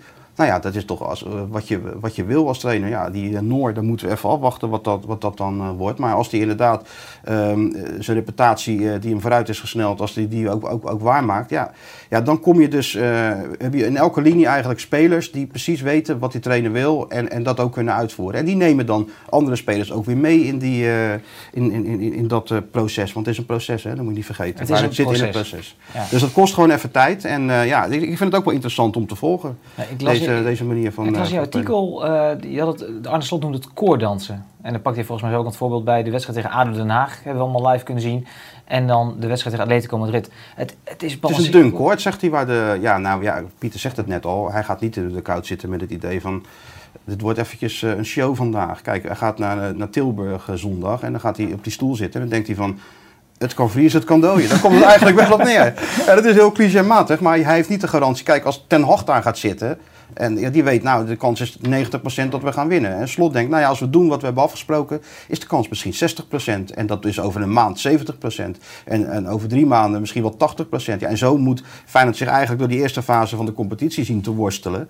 En als de, als, als, als de vooruitgang er dan echt in zit en, en de afstemming is in orde en ze hebben wat spelers erbij, ja, dan, dan weet je niet waar, eh, waar, waartoe het kan leiden. Maar in eerste instantie is het eh eventjes pas op de plaats achter de twee eh, grootmachten Real Madrid en Paris Saint-Germain, wat we net hebben gehoord. Hè? Ja, is daar ook de rust voor in Rotterdam? Want eh, dit, dit vergt tijd. Dit gaat, je gaat een keer misschien wel op je bek in Tilburg of ergens anders. Want het is, wat je zegt, een proces. Kan dat in Rotterdam? Nou, dat zal moeten, maar weet je, het ligt natuurlijk, alles ligt eraan hoe de uitvoering is. Weet je, als Feyenoord gewoon ehm, speelt zoals ze bijvoorbeeld tegen Atletico hebben gedaan. En, en ze verliezen dan op die manier met 1-0 van Utrecht. Maar de mensen hebben wel gezien dat er eh, goed gevoetbald wordt, dat er ideeën achter zit, dat spelers hun best doen. Ja, dan wordt het natuurlijk eerder geaccepteerd dan als het gewoon een totale wanprestatie is en het wordt 0-1. Ja, dan zijn de mensen wat minder geduldig. Maar voorals, vooralsnog merk ik ook om me heen, ook als je met supporters praat, wel een idee van Oké, we weten allemaal dat het even tijd gaat kosten.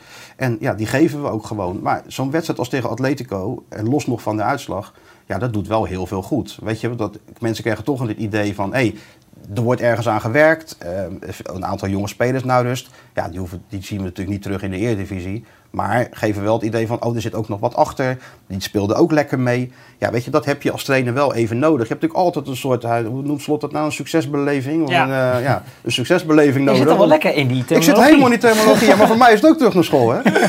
nou, nou ja, Dick was gewoon even wat anders dan, uh, dan, Ja. uh, dan Slot. Nee, en maar dat kan hij natuurlijk ook het hele seizoen gebruiken. Van ja, maar we hebben ook tegen Atletico druk gezet en op die manier gewonnen. Zeker, dus en, hij, en, we hij kan, dit. en hij kan ook uh, Drita thuis gebruiken. Van jongens, kijk eens even wat er gebeurt als we het niet doen. Want dan staat zelfs Kosovo zes keer alleen voor, uh, voor Bijlo. Dus weet je, daarom is het ook wel interessant om te volgen. Want ik ben wel benieuwd welke kant het uitgaat. En, en zoals het nu gaat, en uh, je ziet er toch wel duidelijk ontwikkeling in. Plus het feit dat, uh, dat Slot als trainer zeer realistisch is, vind ik. In zijn analyses ook naar wedstrijden. Maakt het niet mooier dan het is. Want hij denkt natuurlijk ook van, ja...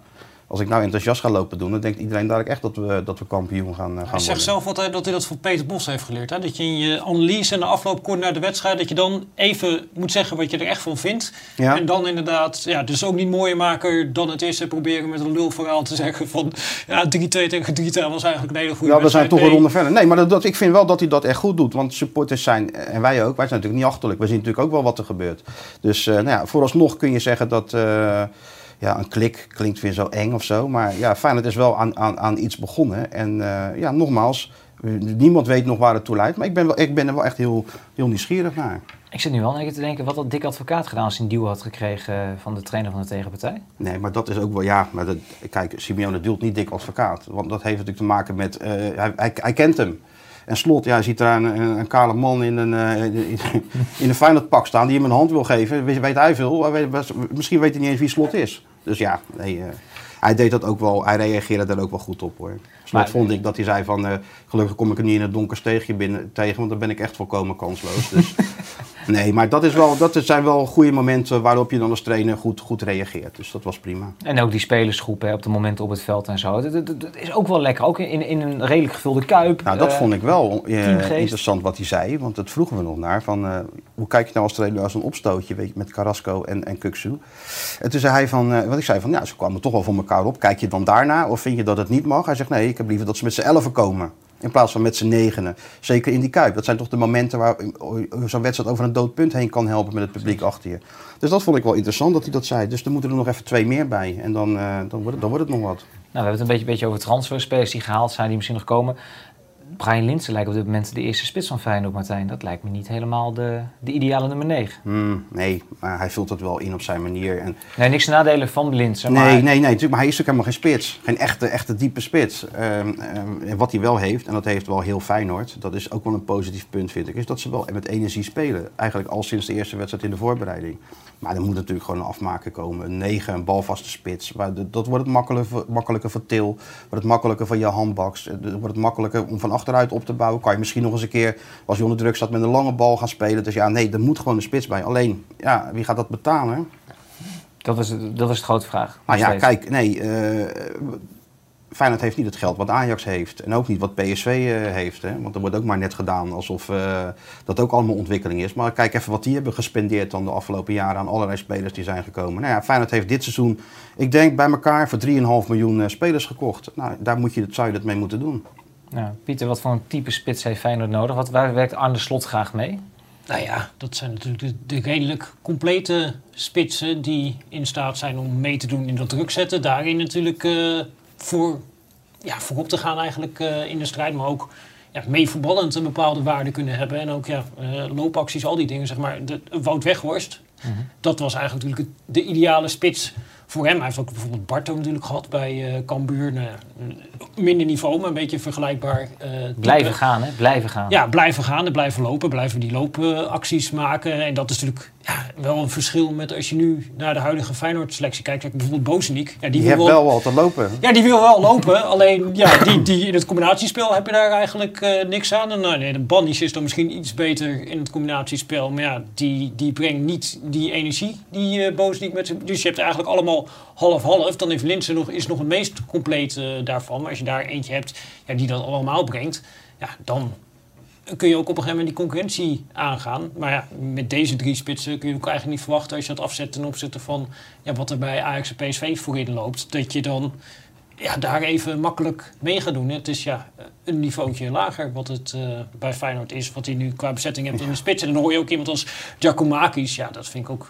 Ja, dat willen ze geloof ik in Venlo vooral heel graag. Ik zag dat die eh, hem iedere keer aan de pushen zijn bij Feyenoord. komt maar niet weg, hè? Het zou een hele goede spits zijn voor Feyenoord. Maar ja, dat kan me toch ook niet voorstellen dat dat de spits is waar Feyenoord eh, echt iets aan heeft. Nee, Ze zouden die drie eigenlijk in elkaar moeten schroeven, hè? Die de, drie spitsen Ja. die ze nu hebben en daar één van maken. Maar ja, dat, eh, dat kan niet. Dat, dat mag dan weer niet. Nee, maar ze hebben natuurlijk wel inderdaad echt wel een spits nodig. En ze zijn, zijn ze ook wel mee bezig hoor. Dus ik verwacht wel dat er nog één komt voor de, eh, nou, niet voor het begin van de competitie, maar voor het einde van de window dan. En gaat er ook nog wat weg bij Feyenoord? Bij jongens die... eh, Ja, dat moet ook. Kijk, ze, ze moeten ruimte scheppen in dat eh, salarisbudget. Dus dan moet je afscheid nemen van een aantal spelers. Nou, het is geen geheim dat Mark Diemers weg wil. Die is al met clubs in gesprek, buitenlandse clubs. Nou ja, dus dat zal wel rondkomen binnen nu en anderhalve week, twee weken. Hetzelfde geldt voor eh, Texera. Eh, ook weinig zicht op een, eh, op een basisplaats. Verdient best wel veel geld. Dus hij, ook hij mag gaan. Eh, ze hebben wat jongens verhuurd. Bo- eh, Bouchatoui is naar, naar RKC. Dat is volgens mij vandaag eh, definitief of zo. Ja. Dat was natuurlijk al bekend. Ja, en verder zullen ze kijken naar per speler wat het beste is voor de ontwikkeling van die, van die jongens. Hè. Kijk, je kunt Milambo en Hartjes er wel bij houden. Maar in de Eredivisie weet je toch wel dat de kans niet groot is dat ze gaan spelen. Dat onder 21 elftal hebben ze ook, ook echt nieuw leven ingeblazen. Daar hebben ze die eh Sipke Hulshoff opgezet Ja. nou. Hè. Ook Ooit nog samen eh, Cambuur gedaan. samen Cambuur, ook helemaal met het van evangelie Slot. van, eh, van Ja. Slot. Dus die weet precies wat er, eh, wat er gevraagd wordt. Ja, en dan ehm, met het geld wat dan vrij is gekomen qua salaris, dan, dan kunnen ze wel een spits gaan halen. Eventueel nog met hulp van externe investeerders. Al weet ik niet of dat nog in deze window zal gaan gebeuren. Oké, is er verder nog, eh, behalve een spits, zijn er nog realistische wensen of is het eigenlijk vooral een spits? Bij Feyenoord. Ja. Wensen. Nou, Wen- ik denk als hij als Ja, mag wensen, dan wil hij in elke linie nog twee spelers erbij. Nee, maar als we nu gaan kijken tot, tot 1 september, eh, een spits prioriteit. Ik denk als hij nog een spits erbij krijgt, en gezien de mogelijkheden en onmogelijkheden van Feyenoord, denk ik dat Slot best tevreden is over hoe deze window is verlopen, denk ik. Ja, en ik denk ook heel belangrijk voor Feyenoord, dat las ik ook in jouw artikel, eh, Justin Bijlo, hè? dat ze daarmee in gesprek zijn over eh, het Zijn ze al een tijdje mee in gesprek. Maar hetzelfde met Geert Truida, dat liep dan even wat anders. Maar ja, Bijlo is de beste keeper van Nederland. Ik bedoel, die wil, hij ligt al vast tot 2023 hoor. Dus het is niet zo dat hij zo eh, de kuip uit kan. Maar je wil zo'n jongen natuurlijk langer eh, vastleggen. Daar zijn ze over in gesprek inderdaad. En ja, voor Feyenoord is het te hopen dat dat, eh, dat, dat lukt. Het was wel een mooie, mooie soort van symboliek tegen Atletico Madrid. De beste keeper van Europa aan de ene kant en die beste van Nederland bij, bij Feyenoord in het doel. Kan hij op den duur ook die titel pakken? Over vijf, zes jaar, de beste van Europa? Is hij zo goed? Nou ja, is Louis zal hem toch wel, eh Frans Hoek zal toch wel gekeken hebben, wat denk jij? Hij is ongetwijfeld zal Alles hem, al eh, beoordeeld bekeken hebben. En, Ja, eh, ongetwijfeld. Dus, ja. Dat, dat worden we mo- overmorgen volgens mij. Maar die Ja. zal, ja, vrijdag. Ja, die zal er wel bij zitten, toch? Bij de voorselectie in ieder geval. Dat weet je bij Louis maar nooit. Misschien dat hij weer een andere keeper hebt gezien. Het Die, hangt af eh, van de profielschets, hè? Ja, precies ja. Dus, eh, maar ik kan me inderdaad eh, niet indenken dat hij in ieder geval niet in de voorselectie zit. Dat wordt nog heel spannend. Eh, Pieter, ook even eh, naar AZ. Eigenlijk Ja. we, we spreken tegenwoordig over een top 4 in Nederland. Eh, Wil AZ ook heel graag. AZ wil ook graag dat wij dat zo benoemen. En op basis van de laatste jaren is het misschien ook wel terecht. Ja, zeker terecht op basis van prestaties, ja. Precies. Maar eh, bij AZ heb ik eigenlijk alleen het gevoel dat er heel veel vertrokken is. Ja, Nou ja, dat is ook uh, het is een beetje beleid natuurlijk ook uh, bij AZ. Nou, ze hebben nu toch weer een paar spelers voor ook goede bedragen verkocht. Tenminste, Kelvin Stinks en Boadu dacht wel... Eigenlijk voor de window dacht je, nou ja, koopmijners, dan raak je misschien... Die raak je wel kwijt, want daar zal wel interesse voor zijn. Maar Stenks en dat moet nog zien. Nou, die hebben ze voor hele goede bedragen verkocht. Ja, dat moet je dan gaan vervangen. Nou, bij AZ geloven ze natuurlijk ook van in die eigen jeugdopleiding, waar ze heel veel in investeren. Ze zijn er heel erg trots op dat ze al zes jaar achter elkaar de meeste minuten geven aan jeugdspelers uh, in de Eredivisie. Dus, nou, en daar hebben ze ook ja, die prestaties op gebouwd. Dus zij geloven dat daar nou ja, ook een basis uitgehaald kan worden om te presteren. En tegelijkertijd, ja, je bent wel wat sterkhouders kwijt. Svensson is natuurlijk ook nog uh, weggegaan. Nou, Koopmijners kan nog vertrekken. Wijndal kan nog vertrekken. Bizot. Ja, Bizot is vertrokken. Ik denk niet dat je daar heel veel aan mist. Maar goed, uh, ja, dat is wel een doorloop daar in die selectie. En nou ik denk dat een van de krachten van AZ ook wel was... en dat is ook iets waar ze ook actief rekening mee houden in selectiebeleid... Van dat zij weten dat er een correlatie is tussen hoe lang een spelersgroep bij elkaar is... en de prestaties die je uiteindelijk uh, kan leveren. En als je een langere groep bij elkaar hebt... dat dan ja, bepaalde automatismen er zijn... waardoor je beter kan presteren dan mensen misschien eigenlijk verwachten op basis van die individuele spelers bij elkaar.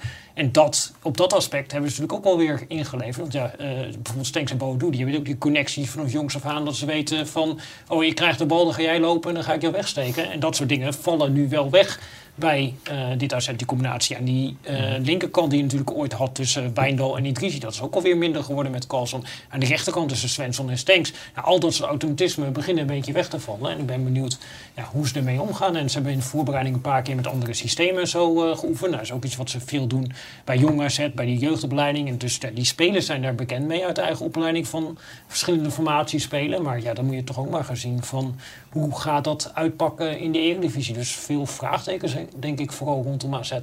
Ja, onze eigen uh, Nostradamus. Martijn, waar plaats jij AZ dit seizoen?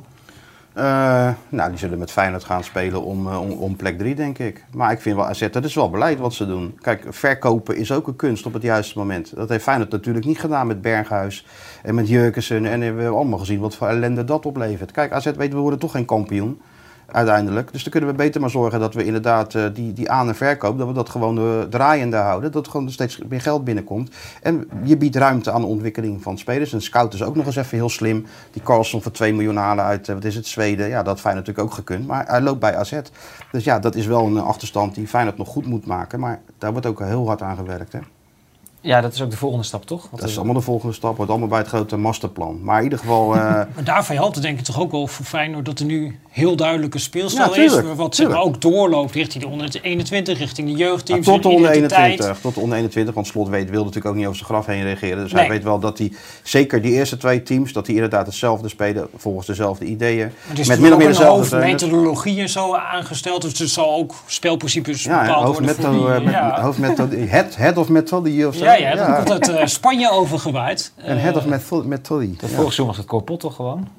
Ja, ja. Nou ja, goed. Het, ook, dat kan ook tot succes uh, leiden. Hè? Dat bleven ze 30 wedstrijden mee ongeslagen. Dus, het helpt denk ik uiteindelijk wel als je weet van oké, okay, we willen op een bepaalde manier spelen. Wordt ook scouten op een gegeven moment makkelijker. Ik denk dat dat voor AZ nu echt een voordeel is. Die hebben gewoon echt een profielschets per speler. Die weet ook qua data wat hoort erbij. En dan kun je gewoon de computer aanzetten. Je kunt drukken op een knop en dan krijg je 10 spelers. En dan ga je die 10 spelers bekijken. Omdat je weet wat er nodig is om ja, nou, succesvol te zijn op die positie. Ja, gewoon een prima speler. Weet je, die uh, dat Feyenoord ook wel, uh, wel willen hebben.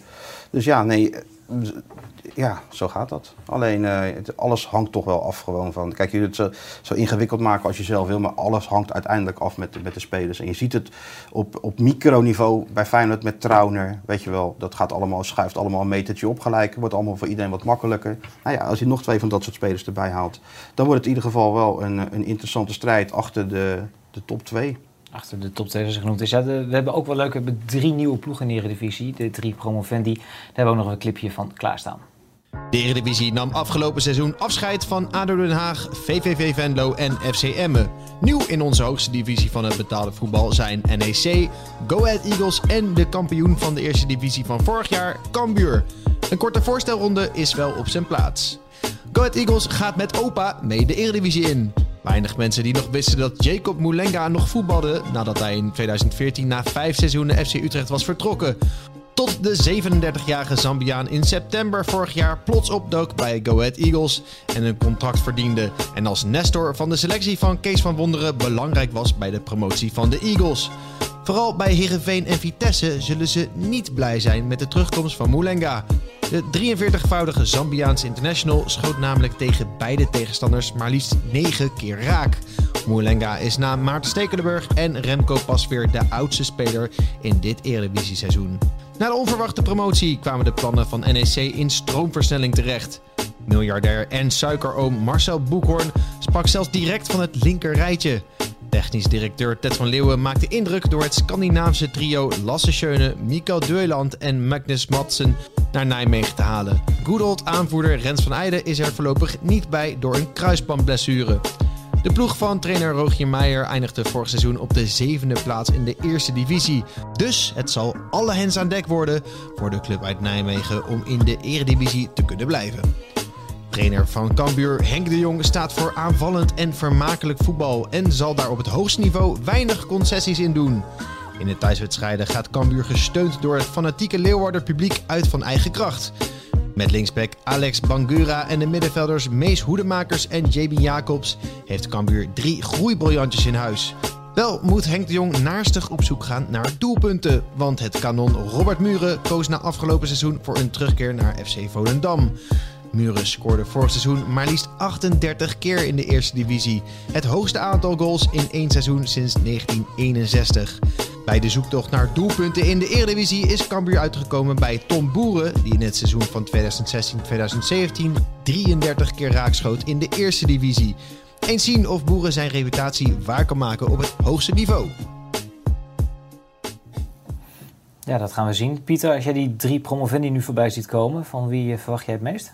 Ik denk toch eigenlijk van uh, Go Ahead Eagles. Met name omdat ze voor seizoen op basis van hun organisatie heel weinig tegendoelpunten uiteindelijk uh, gepromoveerd zijn. En dat dat ze ook kan helpen in de Eredivisie om toch vaak een keer een puntje, een keer drie punten eruit te slepen. Omdat ze in staat zijn. Ja, het heeft ook denk ik ook niet eens heel erg te maken met de kwaliteit in die spelersgroep. Maar vooral ja, dat er een trainer zit, Kees van Wonderen, die daar een organisatie neerzet.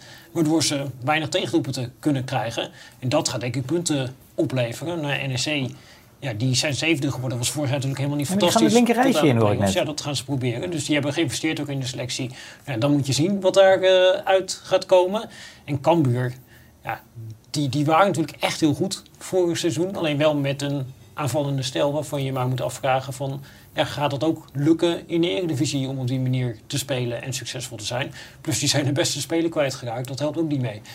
Nee, Martijn, heb jij enig zicht op de promovendi op dit moment? Of, uh, ik denk gewoon kijken? NEC, dat NEC wel een goede indruk gaat maken. Als je Schöne haalt, hij toch een hoop ervaring mee naar huis. Belangrijk, zeker voor een ploeg die, die, die is gepromoveerd. Nou ja, Ted van Leeuwen zit daar, die haalt altijd uh, tot een goed oog voor goede spelers. Dus een beetje boekhoorn erachter, dat kan, zou je denken, niet meteen fout gaan. Um, ja, Cambuur, ja, dat, dat ben ik ook wel benieuwd naar. Ik hoop voor Cambuur dat het snel goed gaat met, uh, met, met Boy. En gelukkig gaat dat ook. Die gaat uh, stapje voor stapje vooruit. Dus die uh, kan misschien... Technisch directeur. Technisch directeur ziek. Dus die zou misschien snel weer wat kunnen, kunnen gaan doen. Dat is wel belangrijk voor die club. Ja, en als ze daar verliezen, het blijft toch altijd gewoon positief en gezellig met, met Henk de Jong, toch? Het woonskip aan en gezellig in dat Cambuurstadion. Ja, Henk laat zijn humeur er niet door bederven, denk ik. Dus we zullen het wel zien. En wel leuk, we hebben het natuurlijk nu een beetje over de top 4 gehad, de promovendi. Uh, de, ploegen die, waar we op dit moment interesse in hebben, speciaal interesse. Ik heb bijvoorbeeld gekeken naar al die transfers van FC Twente. Dan denk ik van, nou, daar komt wel wat, uh, wat binnen. Flap van Wolfswinkel, uh, Prupper, Oenerstal. Dat is een aardig elftalletje in Enschede, toch? Of niet? Nou ja, op papier wel, ja.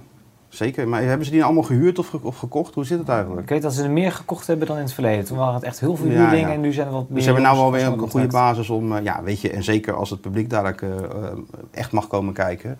Ja, Twente thuis of Twente uit voor clubs is toch gewoon lastig. Zeker als je, een Flap is natuurlijk uitstekende speler voor de Eredivisie. Van Bolswinkel maakt ze doelpuntjes wel. Nou ja, dat, dan heeft Twente natuurlijk een prima elftal. Maar goed, jij volgt Utrecht die zullen toch ook niet stil hebben gezeten? Die, die hebben goede spelers. Gezeten. Ja, maar ik bedoel in, die, in de ontwikkeling toch? Ze zitten toch allemaal weer een jaar verder met al die, uh, al die spelers. Dus Nou, ze hebben nu trainer René Haak heeft de tijd gehad om een hele voorbereiding wat, wat neer te zetten. En ze hebben Timber gehaald natuurlijk van Ajax, het broertje van. Die gaat Ja. wel richting een basisplek. Doefikas, de Griekse spits. En verder eh, heel veel van hetzelfde bij FC Utrecht komend seizoen. Dus camera's er weer bij, of niet? Nee, camera's er niet Jij bij. speelde wel een hoofdrol hè, ja, in, die, eh, in die show. Ja, ik moest eh, zo nu en dan wat duiden. Ik, Ja, ik ja, dat deed je goed. Dat werd neergezet als een pedagoog. Nou, weet je, als bij 24 Utrecht Willem Jansen en eh hoe heet die, van der Marel ook allebei gaan opstaan en dan zeggen tegen die spelers, jullie moeten gaan opstaan, nou dan zal het dit seizoen wel goed komen. Dat denk ik wel, toch? Jongen, jongen, wat was dat nou, man? We hebben, het hier over, we hebben het hier over de documentaire van FC Utrecht op eh, Videoland. Nou, Tommy Santiago geblesseerd, dus ga er maar gewoon vanuit dat je gewoon het centrale duo Willem Jansen, Mark van der Marel weer terug ziet. Het eh, snelste centrale duo van de Ja. Eredivisie. Zo is dat. We hadden het net over, over de OPA-club bij deze. Eh, Pieter, jij nog een club die je nog met speciale interesse gaat volgen? Nou, ik ben ook wel benieuwd wat er bijvoorbeeld bij eh, Fortuna Sittard eh, gaat gebeuren. Je, gaat ook altijd een beetje door eh, die seizoengids heen. Dan zie je sommige selecties te bekijken. Maar ik zag ook teams bij waarvan je dan... Volgens mij, ik heb een team gezien met 12 veldspelers. Dat je ook dacht van... De, Ik heb, nog niet, ik heb nog niet doorgebladerd, wie was dat dan? Ja, ik, ik, weet, volgens mij was het RKC of zo. Een van die Oh dat teams eh, eh, in, die, in die regionen waar dan ja, nauwelijks nog spelers onder contract stonden. Dat je denkt, oh, die, die moet, daar moet nog wat Maar ja, goed, gebeuren. er moet, moest nog een 24 mei toch al het veldje inleveren, dus ja, dit, daar die Nou ja. is toch wel best wel gebeurd Ja, volgens mij. Hetzelfde is natuurlijk toch ook met ja, een team als Vitesse. Dat, die zie je dan spelen in de Europa League of de Conference League. En dan voor zag het er prima Maar dan gaat dan Bazoer gaat dan misschien nog weg. Dan gaat nog misschien weg.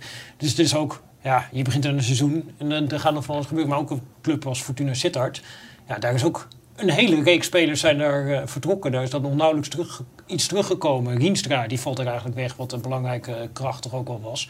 Dan ben je ook wel benieuwd van, ja... eh, ja, wat, wat, wat verwachten ze? Ik heb het idee dat ze daar ook denken wat ze bij Feyenoord dachten. Arne Slot die heeft de toverstaf. Dat eh George Ulte ook een toverstaf heeft. Dat ja, die kan winnen. Ze wonnen alles. Dus eh, die kan misschien ook wel zonder selectie. Maar daar ben ik toch benieuwd eh, ja, hoe dat dan uit gaat pakken. En of dat dan eh, ja, hetzelfde niveau is. Of dat die in één keer schrikken aan het einde van het we staan in de degradatiezone. En dat er dan weer zes spelers binnenkomen uit alle windstreken. Nou, Fortuna speelde afgelopen weekend twee oefenwedstrijden tegen FC Utrecht. En de eerste wedstrijd was met de boog de basiself. Die wonnen ze. En speelden ze met eh, de wissels. En toen gingen ze met 7-0 er vanaf. Dat geeft natuurlijk een beetje het verschil. Nou, een brede selectie. Nee, de- Niks meer aan doen. Zelfs, zelfs George Ulte is afhankelijk van zijn spelersgroep. Hè? Nou, dan, dan heb je het. Eh, heren, tot slot. En Sparta ben ik ook wel benieuwd naar. Sparta, ja. Die hebben veel intact gehouden, dus... ja. Trainer gebleven. Dat is... eh, Trainer gebleven, die gaat part-time nog eventjes oranje doen. Dat, dat kan gewoon. Dat is verder, voor een club als Sparta is dat geen probleem om dat te combineren. Nee, blijkbaar niet. Er zitten wel goede afspraken over gemaakt. Dus ja, part-time bondscoach. En eh, dat- we gaan gewoon door op de ingeslagen weg. Dus ik ben wel benieuwd hoe die het gaan doen. Zo is, is- eigenlijk van elke ploeg ben je wel benieuwd. En je, niemand weet waar ze staat. Geen enkele ploeg weet voor de eerste competitiewedstrijd waar het staat. Nee, Het is toch een Heerenveen apart- voor seizoen pakt, die dan in de voorbereiding alles verloren. En dat iedereen dacht, oeh, Heerenveen, Ja, daarom. dat ze de eerste vier wedstrijden dat je die wint. Ja. En eigenlijk daardoor zijn ze erin gebleven. Ja, het, het kan alle kanten, En daarom, kanten op gaan. en daarom wordt het voor elke ploeg gewoon... Zo'n eerste competitiewedstrijd is gewoon spannend. Omdat je echt niet weet hoe... eh, je, je kunt een goed gevoel hebben, maar je weet het gewoon niet. En dat eh, maakt het leuk. Toch? Dat, dat maakt leuk, daar we zin in. Eh, tot slot, waar gaat Feyenoord eindigen? Wanneer zijn ze Derde. tevreden? Derde plek. Pieter?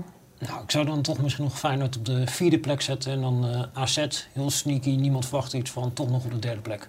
We gaan het na 34 wedstrijden nog eens even eh, nabespreken met jullie. Heren, heel erg bedankt. En heel veel plezier ook eh, in de stadions en met de bord op schoot eh, zondagavond.